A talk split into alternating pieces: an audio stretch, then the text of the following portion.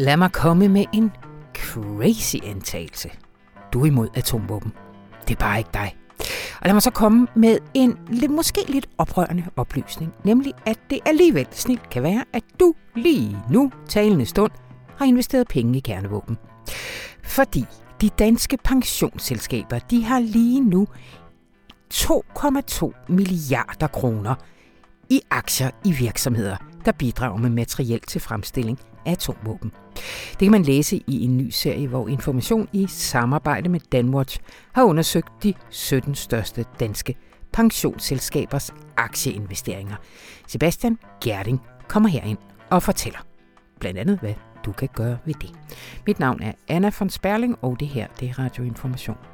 Og når vi nu er ved det der med, hvad vi kan gøre ved det hele, så har Rune Lykkeberg en optur over en ny kapitalismekritisk studiekreds, som Information har grundlagt, og som han håber vil sprede sig ud over det ganske danske land, og så videre ud i verden. For vi må skabe nogle sammenhæng, hvor vi sammen kan udvikle et grønt og solidarisk alternativ, hvor vi passer på mennesket og naturen.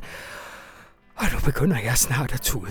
Men lyt med til allersidst i programmet. Allerførst skal vi tale om litteraturkritik. Rigtig hjertelig velkommen til.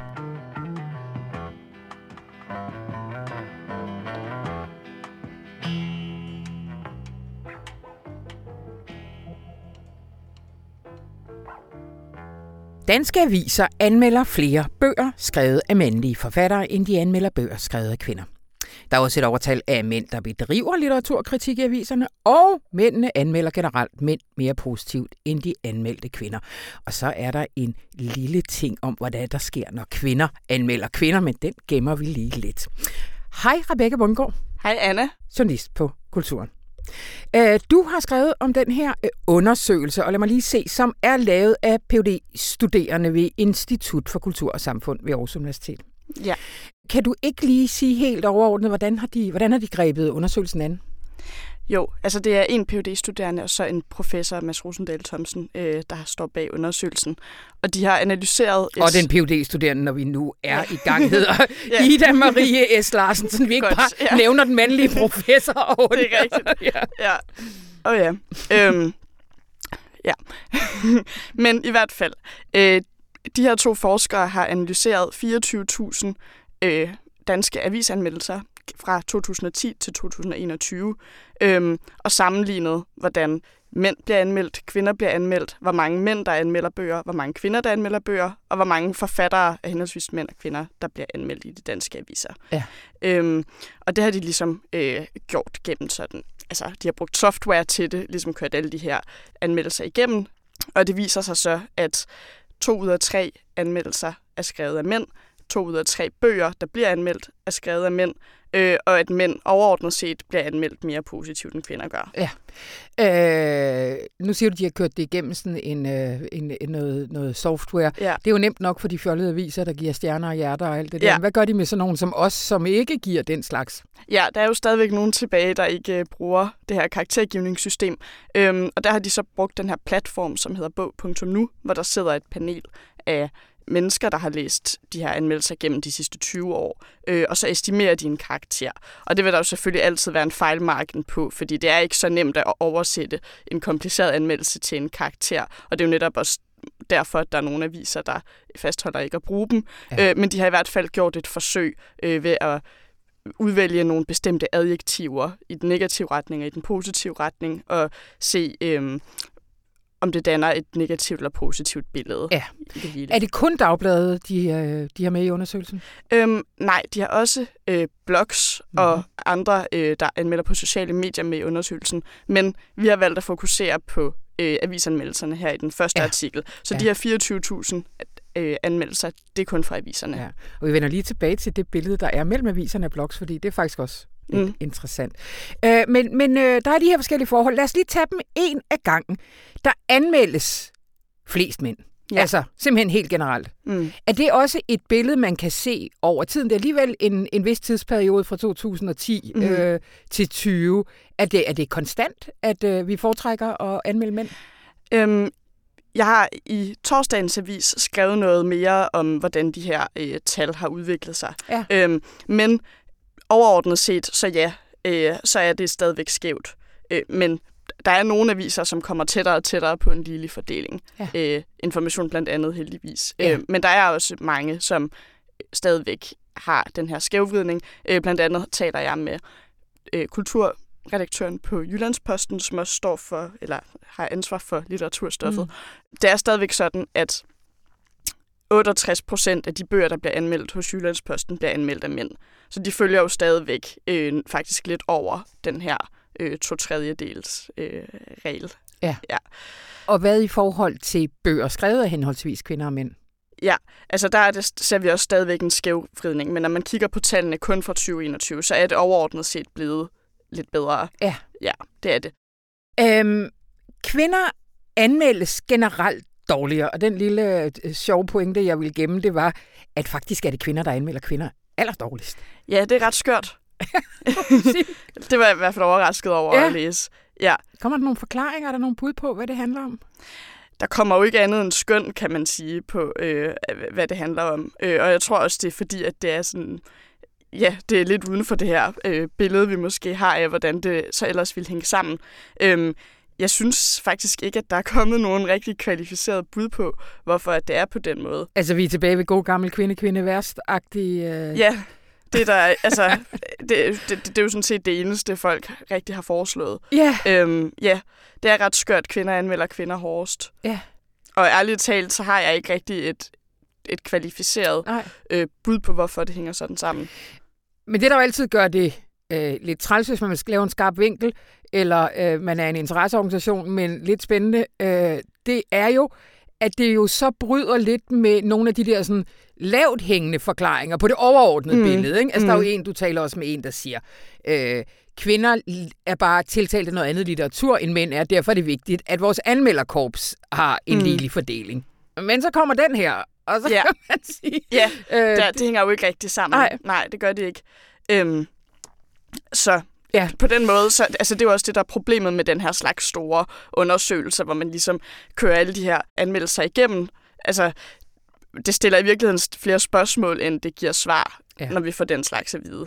Ja. Øhm, så, Der er jo nogen, der øh, jeg har set rundt omkring, der i andre sammenhæng foreslår, at kvinder har et mindst lige så stort uh, had til kvindekønnet, som uh, mænd har. det kunne man jo godt give sådan om.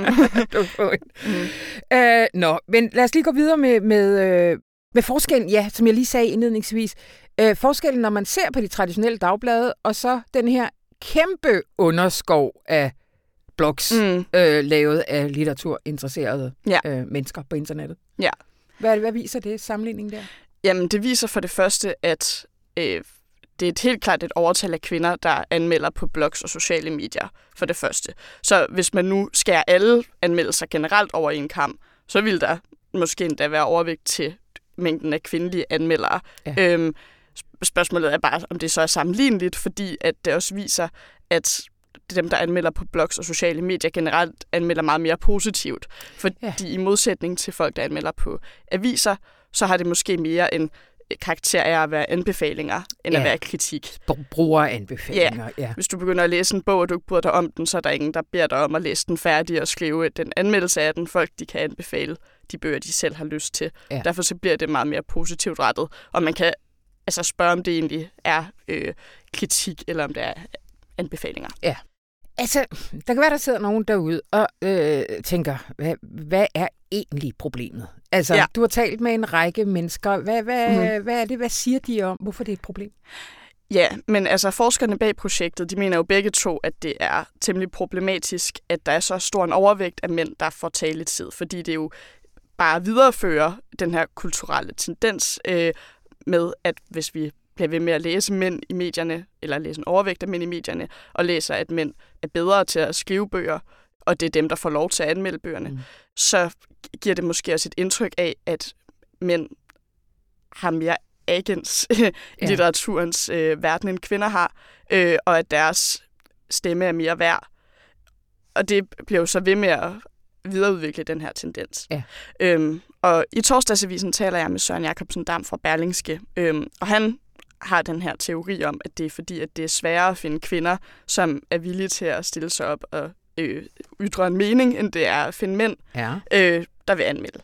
Og det synes jeg er en ret øh, vild holdning at have i den her sammenhæng, mm. fordi når vi ser på øh, litteraturstudierne, og øh, jeg lavede tilbage i efteråret en undersøgelse af, hvor de danske litteraturkritikere øh, har taget uddannelse henne, Mhm. og der er en klar overvægt af litteraturuddannede folk. Selvfølgelig, øh, Hvor det du er ret naturligt, fra, og jeg kommer selv fra litteraturhistorie ja. på Aarhus Universitet.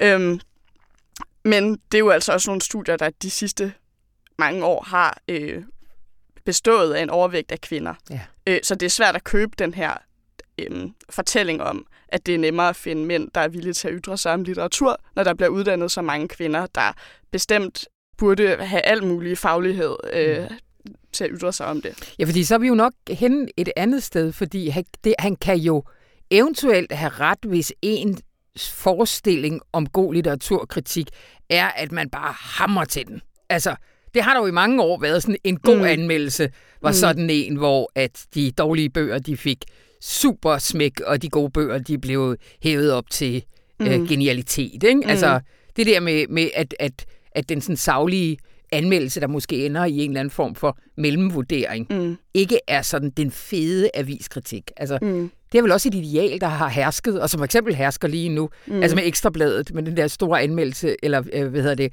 eftersøgning, de lavede på nye litteraturkritikere. Det var jo altså Mm. beskrivelsen af, af sådan en type anmeldelse som det her. Mm. Altså eksisterer det ikke også her? Mm, det gør det måske. Jeg ved ikke helt, om jeg kan genkende det. Jeg synes, Ej. mås- jeg synes måske, at det er en anden type anmeldelse, vi dyrker her på information. Men uanset hvad, så vil det også være radikalt at sige, at det så er nemmere at finde mænd, som er villige til at skrive de radikale anmeldelser, Mm. øh, og kvinder skriver de her øh, mere reflekterede, mm. øh, bløde anmeldelser. Sådan kan man i hvert fald kun gisne om, at det hænger sammen. Og når man ser på, hvor mange kvinder, der bliver uddannet, så tænker jeg, at der må findes kvinder derude, som er i stand til også at skrive hårde anmeldelser, hvis det er det, man som medie søger. Ja. I hvert fald, så synes jeg, det er en, øh, en vild påstand at komme med, når man, nu er det jo en undersøgelse, der beskæftiger sig med store tal, og når man ser på de store tal om, hvor mange der bliver uddannet, så burde det ikke hænge sådan sammen, Nej, at man nej. kun kan finde Nej. kvalificerede mænd til at anmelde. Hvad, øh, hvad synes forskerne, vi skal gøre ved det? Ja, øh, de påstår jo i hvert fald, at det er noget, der ret nemt kan gøres noget ved, hvis man som avis begynder at tænke mere over, hvor mange mænd man sætter til at anmelde Mm. øh, i forhold til kvinder, fordi tallene taler jo for sig selv. Øhm, de foreslår også, at man kan sætte mænd til at anmelde flere bøger skrevet af kvinder, og kvinder til at sk- skrive flere bøger skrevet af mænd. Mm. Øhm, der er måske en tendens til, at man ofte sætter folk til at anmelde bøger, der på en eller anden måde øh, repræsenterer den målgruppe, som, som anmelderen selv tilhører. Ja. Øhm, men hvis man rystede posen lidt, så kunne det også være, at man ville mindske den her tendens med, at der sidder en masse kvinder derude og anmelder kvindelitteratur og gør det hårdt, Mm. øh, og mænd, der får lov til at anmelde mænd meget positivt. Ja. Øhm, det kan jo have noget at sige. Har du talt med vores egen litteraturredaktør, Peter Nielsen? Øhm, faktisk ikke, fordi han har ikke lige været til stede på avisen. Jamen, jeg vil også have haft ham med her, og han er på ferie nemlig. Det er Ja. det, jeg vil frem til. Øh, det kan være, at vi kan lave en opfølge. Det kan være. Altså, Altså, fordi hvis man sad som øh, lytter lige nu og tænkte, og lige om lidt kommer litteraturredaktøren vel for fanden ind og siger, hvordan han ser det, så bliver man lidt skuffet, for Ja. han er her ikke. heldigvis så øh, er information ved at lande på en rimelig, øh, her i 2021 i hvert fald, en rimelig 50-50 fordeling, både i forhold til, hvor meget øh, litteratur, der bliver anmeldt af mænd og kvinder, og hvor mange anmeldere, der er mænd og kvinder. Ja. Øhm, og det har længe været sådan, at mængden af positive og negative anmeldelser har været cirka øh, ligeligt Nå, okay. fordelt øh, for information. Men derfor så er der stadigvæk tale om en bred tendens i branchen jo selvfølgelig, Ja. som alle på en eller anden måde er med til at støtte op om og Ja. bidrage til. Godt. Det var, hvad vi nåede. Tusind tak, Rebecca Okay.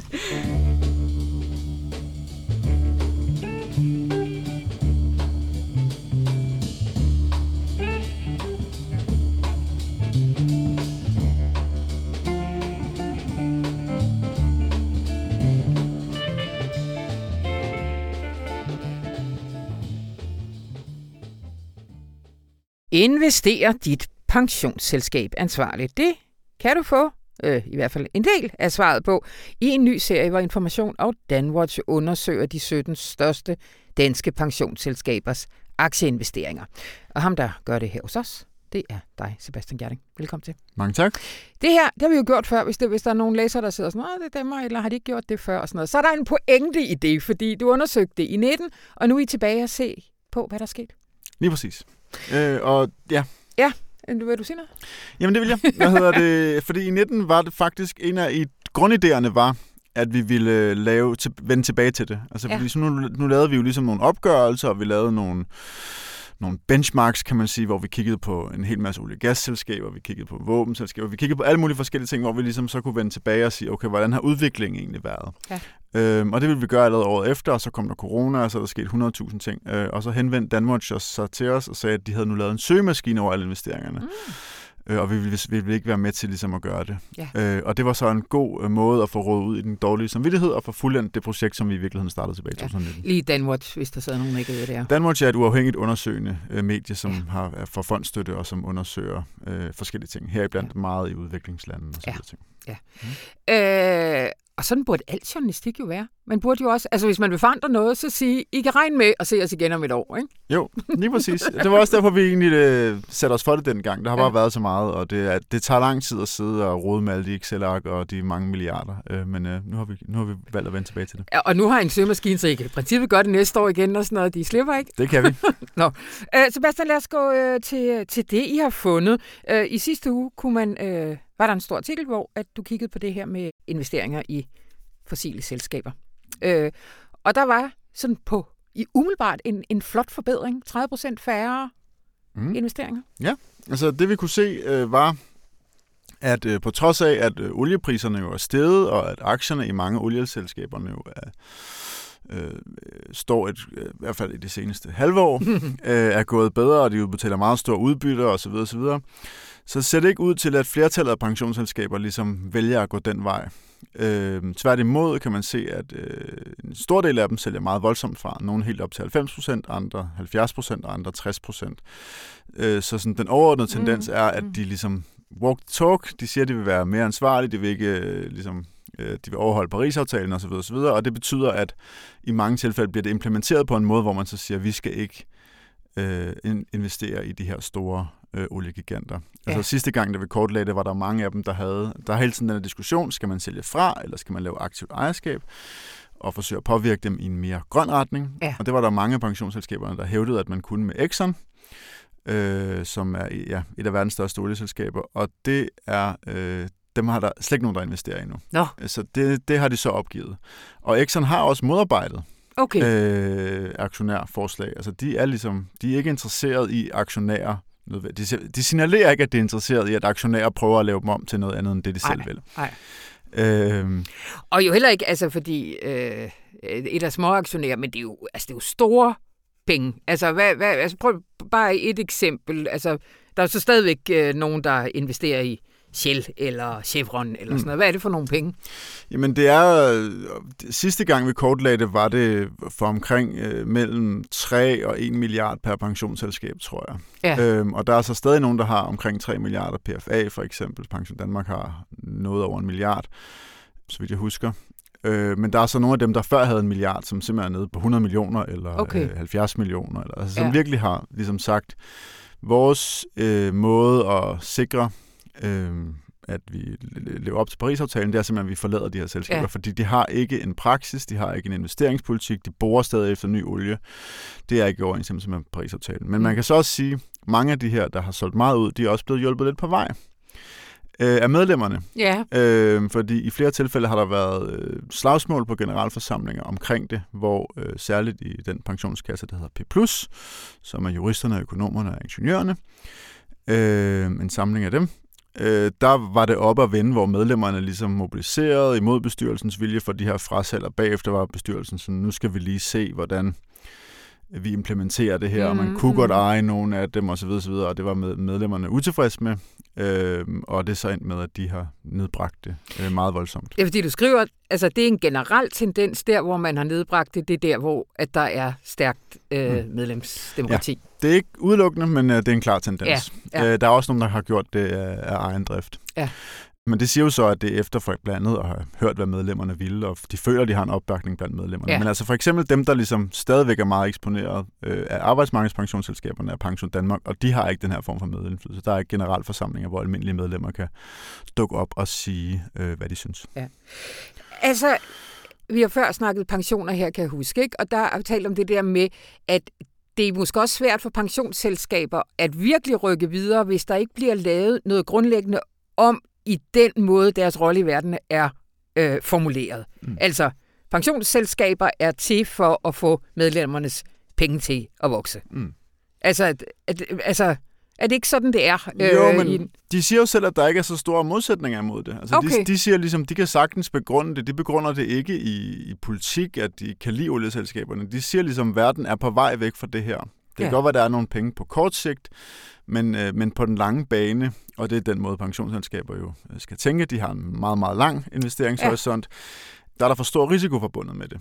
Ja. Øhm, og Akademikerpension, øh, de var nogle af de første, der solgte fra, og de var så ude at sige, at det havde de tjent en, øh, en halv milliard på øh, det første år. Og det er jo den, den øh, så snakker jeg med dem for nylig, og der er den, den, øh, det er så faldet lidt, fordi Ja. ja. olieselskaberne er steget. Men jeg tror Ja. stadigvæk, det har været en fornuftig Ja. ja. forretning på det Ja. tidspunkt, de solgte fra. ja. Og man skal huske, at, at lige nu ser man så oliepriserne, eller olieselskaberne stige, og det udbetaler store udbytter og sådan noget, men øh, om lidt kan det være en anden sag. Altså under ja. corona faldt det helt vildt, altså der var olieprisen jo nede nærmest i ingenting. Øh, og der var det, det, det modsatte, der var selskaber, der gik konkurs, og gik, altså kæmpe Ja. ballade, og nu er det så et andet sted. Øh, Ja. Så hvad er ligesom den langsigtede udvikling? det. Det den, man skal se på. Man skal, ikke, altså, man skal ikke hele tiden sige, okay, nu vil vi have tjent penge, nu vil vi have tabt penge, for det er ikke den måde, Nej. som pensionsselskaber Og man må vel også sige grundlæggende set, at, at selvfølgelig er coronaen og krigen i Ukraine store begivenheder, men der er jo en megatendens, der ligger Hmm. under det hele, som vel er en grøn omstilling. Præcis, og den er de sådan set alle sammen enige om. Ja. Det, de er uenige om, er, øh, hvor, i hvor høj grad, at de kan vende olieselskaberne til motoren i den grønne omstilling. Øh, det, det, det tror jeg alle sammen, er enige om, vil være det optimale, og der er nogen, der så siger, at det går simpelthen for langsomt. Vi, vi kan ikke se, at de gør det, det vil vi ikke være med til. Og hvis de så ender med at gøre det, så vil vi så investere igen. Det er det, som kritikerne siger, hvor Pension Danmark og PFA og så videre siger, der er så mange penge i de her selskaber, de har så mange erfaring med energiproduktion, de er ligesom nøglespillere. Og kan de godt have ret i det, hvis det handler om Shell eller Chevron for eksempel? Øh, altså man kan sige, de kan principielt kan alt jo ske i fremtiden. Ja, ja. Øh, så man kan i hvert fald ikke udelukke det. Ja. Øh, og Shell siger jo nogle ting, øh, som peger i retning af det, og de er en stor aktør på ladestanderområdet, de investerer mm. i forskellige ting. Øh, men det er ikke sådan så, at de ikke også investerer efter øh, olie. Det er ikke sådan, at de siger, nu er vi ude, på vej ud af olie, nu pumper vi det, og vi har, og så brager vi alt over i den grønne omstilling. Det er ikke det, der er tilfældet. Nej. Øhm, hvor at Chevron er væsentligt længere tilbage i bussen. Altså generelt Ja. vil jeg sige, at de amerikanske olieselskaber er, øh, der er et andet pres i Europa Ja. ja. end i USA. Også, øh, altså, naturligt nok, øh, fordi for få år siden var USA ikke med i Paris-aftalen Ja. øh, officielt set, så hvorfor skulle deres olieselskaber dog høre på alle mulige europæiske aktivistinvestorer, der synes, Paris-aftalen var en god idé. Mm.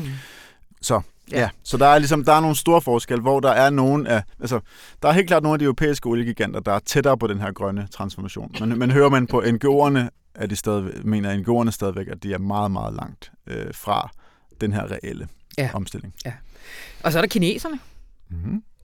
Hvad, Ja. hvad, hvad den hedder det store kinesiske selskab? Øh, Der, der er flere, der er Sinopec og en, der hedder CNOC og sådan noget, og det, har, det havde de også mere af, end de Okay. har nu. Øh, ja. det er noget af det, der er. det er det, og, og Ja. generelt vil jeg sige, at de der statslige olieselskaber er der også hold, altså Saudi Aramco er jo, er jo verdens største olieselskab. Ja. Faktisk lige overhældet Apple, tror jeg, som verdens mest værdifulde selskab, og det er der heller ikke nogen af dem, der investerer i. nej. Altså så, der er helt klart en tendens øh, i en øh, mindre sort retning Ja. fra øh, 19 til nu.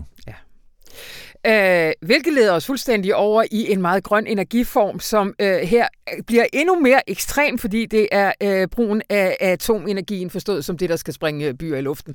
Øh, atomvåben. Og jeg kan huske, da du skrev om det sidst der for et par år siden, så var jeg sådan, oh, what? 2,2 milliarder danske pensionskroner er investeret i virksomheder, der laver materiel til atomvåben. Det er der.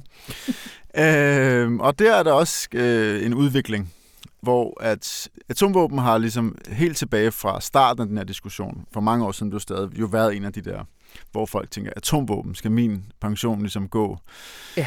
øh, til det, det vil, altså, fordi altså, jeg tror, det er der, hvor olie er en ting, men, men våben er ligesom en ting, hvor mange tænker, øh, det vil jeg aldrig nogensinde selv investere i. Nej. Så hvorfor skal min kollektiv opsparing forvalter placere det i det? Ja. Det, det er der mange, der har haft et problem med igennem tiden. Og samtidig er der hele det her diskussion om konventionelle våben, kontroversielle våben. Hvad er ligesom, hvor går grænsen, hvor atomvåben hos nogen ligesom er over den her grænse? Ikke? Ja. Så der har hele tiden været det her øh, skisme, men der har været nogen, der har valgt at gøre det, fordi de siger, vi leverer til de øh, selskaber, der leverer atomvåben øh, til NATO.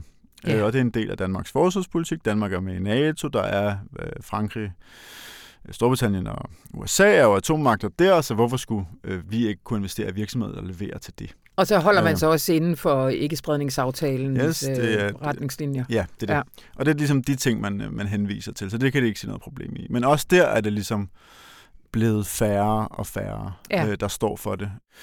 Ja, dengang vi skrev om det i 19, der faldt øh, der var pædagogernes pension en meget stor aktør, og det synes pædagogerne ikke var en god idé, og det var de har nogle medlemsforer, hvor... De det er kan... svært at sige til børnene, man ikke skal slås. Så. det, det, det synes de ikke hang sammen. Nej. Og det førte til et frasalg øh, i pædagogerne, og pædagogerne er nu fuldstændig ude og har ja. en meget striks øh, linje.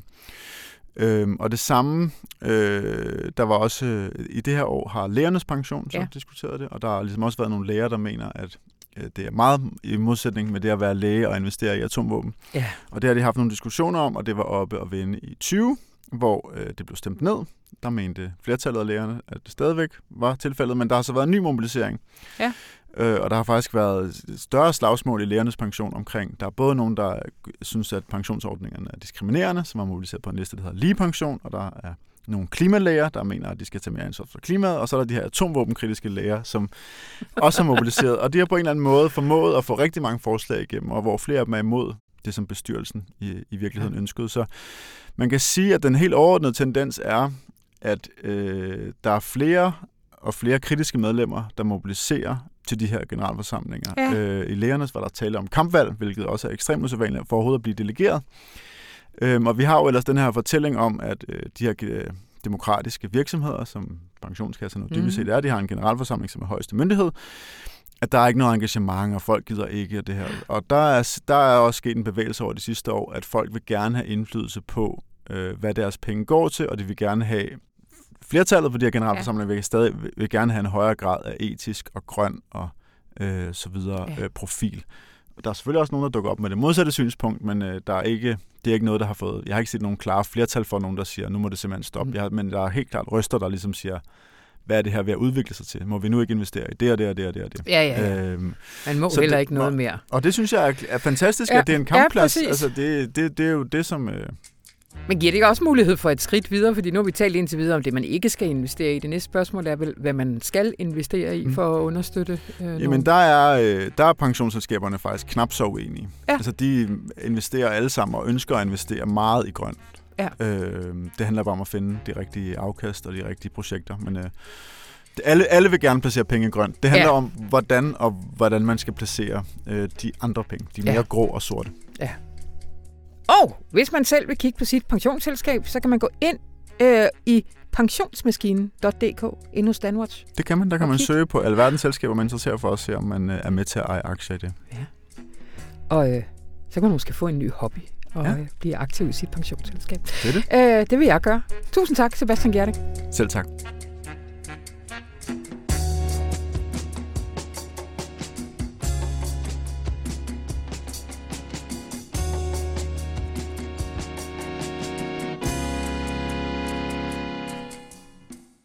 Hej Rune. Hej Anna. Har du en optur til os? Kæmpe optur. Mm. Nu har vi jo i mange år på information, jamen jeg frister til at sige mange årtier, sådan sluttet ledere, kommentarer og analyser, der var sådan meget, meget kritiske over for kapitalismen og kunne udstille alle kapitalismens mangler mm-hmm. og modsætninger og elendigheder, har vi jo sluttet med med nogle flotte paroler om, at man skal finde frihed og retfærdighed og solidaritet på en helt ny måde, og nogle gange har vi sagt klassekamp, og andre gange har vi sagt rød front. Men vi er ligesom hele tiden for enden af kapitalismekritikken. Der har vi ligesom bare hævet nogle faner for nogle idealer, som vi synes var fede, men vi har jo også gjort det med bevidstheden om, at der er jo ingen samfund i verden, der har skabt så stor ligestilling mellem kønnene, og så lidt vold over for børn osv. osv. som kapitalistiske samfund. Øhm, så der har hele tiden været sådan, at vi har sagt, at der må være noget, der er bedre end kapitalismen. Vi har aldrig undersøgt det. Og så da Søren Mau, som jo er skribent her på Avisen og filosof, skrev en bog, der hed Stum Tvang, som var en rehabilitering af, af marxismen her, som udkom i efteråret. Og der tænkte vi, da han blev interviewet, og det var en, en teoretisk bog og en kapitalismekritik, der blev han hele tiden spurgt om, hvad vil du så sætte i stedet for? Mm. Og det sjove er, når man kan se, når det er en anden, der får de spørgsmål, man selv plejer at få, at det bliver man faktisk nødt til at kunne svare på. Mm. Så Sørens bog handler jo overhovedet ikke om det, og i at få sig et urimeligt spørgsmål til ham. Men vi tænkte bare, da vi så, at han blev spurgt om det, Gud, hvor er det dårligt, vi aldrig kan svare på det. Mm. Gud, hvor er det dog tageligt, at man aldrig har et svar på, hvordan skal man sætte noget i stedet for. Og det, be- altså, det behøver jo ikke være en færdig plan, som man bare skal realisere op fra ned. Mm. Det skal bare være et bud. Her starter vi. Her er noget, som er solidarisk og frit. Det ikke smadrer menneskene, ikke smadrer naturen. Altså, der kan man simpelthen ikke blive ved med at være så bange for kommunismens fiasko, så man ikke prøver igen. Så, så Søren og jeg talte om, det skulle vi egentlig lave en studiekreds om, mm-hmm. hvor vi sagde, nu starter vi der, hvor interviewsene og vores ledere og kommentarer, hans bog slutter med at se, hvordan kunne en anden, en, en anden samfund, som ikke er kapitalistisk, se ud. Og det har vi lavet en studiekreds om. Ja. Det startede i sidste uge, og jeg var med og holdt oplæg, og der var den mest pragtfulde stemning. Altså, ja. folk, altså forskellige mennesker i forskellige aldre, forskellige kvinder og, og mænd og drenge og piger, og altså virkelig en mangfoldig blanding af meget forskellige folk, som bare var fired up and ready to go over at skulle lave et udkast til, hvordan samfundet ser ud efter kapitalismen. Det start, og det er ligesom, der skal komme et bud ud af det. Ja. Og man ved ikke, hvad der sker derfra. Man ved ikke, om vi så tager det videre til nogle andre studiekredse, om vi sender det i høring, eller... Man ved ikke, hvad der sker derefter, men det er bare det, vi er i gang. Vi har nogle mennesker, der sidder inde på avisen hver torsdag aften fra 19 til 22. Jeg er ikke med. Jeg er jo med første gang. Ja, ja. Men Søren Mau er leder af læsegruppen. Og, og, det er jo altså, ikke... og så læser man noget litteratur, og så... Man læser noget teori. Ja. Første, første gang handlede om, hvad er kapitalisme? Sådan som med Søren tror, at kapitalisme ikke bare bliver et ord, man bruger om alt det, man ikke kan lide. Ja. Og hvad vil man erstatte det med? Og så har vi de mest vidunderlige gæster. Altså Grace Blakely, mm-hmm. vores øh, økonomheldinde fra England, som også har været i langsomme samtaler, er selvfølgelig med. Øh, Emma Holten er selvfølgelig med. Karen Helve Petersen er med. Øh, Eskil Halberg mm-hmm. øh, kommer og skal tale om revolution. Øh, Pelle Dragsted er med og skal tale om øh, demokratisk socialisme. Så vi har forskellige, men det er gruppen, der arbejder. Ja. Og så er der nogen, ja. der kommer ind og arbejder og, og, og hjælper studiekreds og Søren er så øh, studiekreds leder for, for gruppen. Så nu har vi sat det i gang, og øh, jeg aner ikke, hvad der kommer ud af det, men jeg har en så god fornemmelse. Hvad er din drøm om, hvad der kan komme ud af det? Altså, min drøm er, men altså, jeg har jo altid, og det ved du jo godt, for det kan også være pisse irriterende for jer andre at høre om, jeg har jo altid maksimale forestillinger. altså, min drøm er jo, at det, vi starter her, det breder sig til studiekredse i hele landet. Mm-hmm. Og at det, vi start, altså at folk, vi sidder hver torsdag aften, så sidder der folk i alle landets byer, og brainer på, hvordan man gør det, kommer rundt og holder oplæg hos hinanden, og siger, hvordan kan vi starte her i, vi bor i Varde, hvordan kan vi starte her, undskyld Varde, og, og vi har en højskole her, hvordan kan vi starte her, og gud, vi har udveksling med, med, med nogle afrikanere, hvordan kan de deltage, og hvordan kan vi, altså, min drøm er, at det ligesom er noget, vi sætter i gang, og så det breder sig derfra, mm. og så bliver til alle mulige forskellige udkast, men sådan, så man også, hvis man ligesom vil have et samfund, der ikke smadrer menneskene, og ikke smadrer naturen, så bliver man nødt til at have nogle billeder af det inde mm. i hovedet. Altså, det kan ikke bare være et tomt rum, hvor der står minus vækst og minus klimaudlæggelse. Sæt jer herind. I må ikke få jeres biler og jeres bøffer og jeres, og jeres, og jeres rejser, og helst jo heller ikke jeres iPads og jeres Netflix med derind, så der ikke er et tomt rum. Ja. Der skal være et pragtfuldt rum ja. derinde. Ja. Og, og det er jo ikke fordi, vi laver jo ikke noget politisk programinformation. Det er jo ikke sådan, at vi, nu er vi et politisk parti, der står for det. Vi hjælper dem, mm. der vil forandre verden. Og nu sidder man derude, eller øh, løber tur rundt om søerne, og tænker, det vil jeg også på torsdag. Og, og, og det er jo fuldstændig forfærdeligt, fordi der er jo fuldkommen udsolgt, ikke? Der er fuldkommen udsolgt med det samme, men this is just the beginning. Ja. Øh, så og vi lover at holde jer opdateret på, hvordan det går med, med, med studiekredsen. Og der er allerede efter, vi skrev om det i visen, mange, der har skrevet, hey, må vi ikke være med til mm-hmm. det? Mm-hmm. Og jeg vil sige, alle dem, der har skrevet til mig, må vi ikke være med til det på den ene eller den anden måde? Øh, det har også kostet nogle penge, så er der nogen, der er med på, så er der nogen, der får et scholarship og, og sådan noget, ikke? Ja. Så nogen siger, ej, hvor er det surt, det koster penge. Jamen, for fanden, vi skal jo have nogle mennesker samlet til at få det til at... Jeg kan love, det ikke noget, vi kommer til at tjene nogle penge på. Men skriv til mig, og send øh, runesnabelaginformation.dk. Så samler vi alle, Ja. de, øh, alle de meldinger, vi får i en pulje, og så ser vi, hvad vi kan stille op med det derfra. Vi ved ikke, hvad der sker. Vi ved, der sker noget, og vi håber, det bliver stort. Og det er en kæmpe optur. Kæmpe optur. Kæmpe optur. Tak, Rune Lykkeberg. Lysene slukkes, når vinteren kommer. Blomsterne fryser og venter på sommer.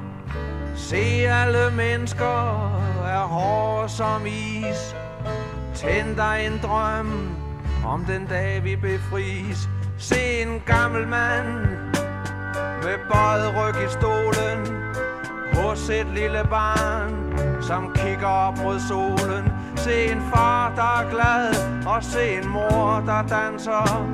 Se en stræben og en jagt, der pludselig stanser. Vi drømmer, vi drømmer om et sted, som er stort og smukt,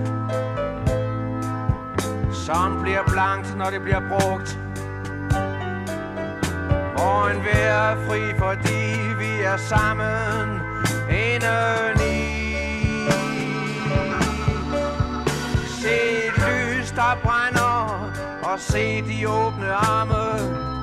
Se, hvor mennesker bliver venlige og varme. Se et fællesskab, hvor ingen spørger om alder, og hvor alle siger ja, når nogen kalder. Vi drømmer, vi drømmer om et sted, som er stort og smukt, som bliver blankt, når det bliver brugt. Hvor en vær er fri, fordi vi er sammen indeni. Og det var, hvad vi havde valgt fra denne uges aviser. Det du lytter til lige nu, og fælder en lille tårer over, hvis du ikke har et hjerte af kryptonit eller uran. Det er jo Vi drømmer om et sted af Arne Vøvler og Benny Holst fra 1978. Mit navn det er Anna von Sperling, og det her program det var klippet og gjort så lækkert af Anne Pilegaard Petersen. Og så håber jeg, at du har en rigtig dejlig lille miniferie. Øh, og jeg håber, du lytter med i næste uge. Hej hej.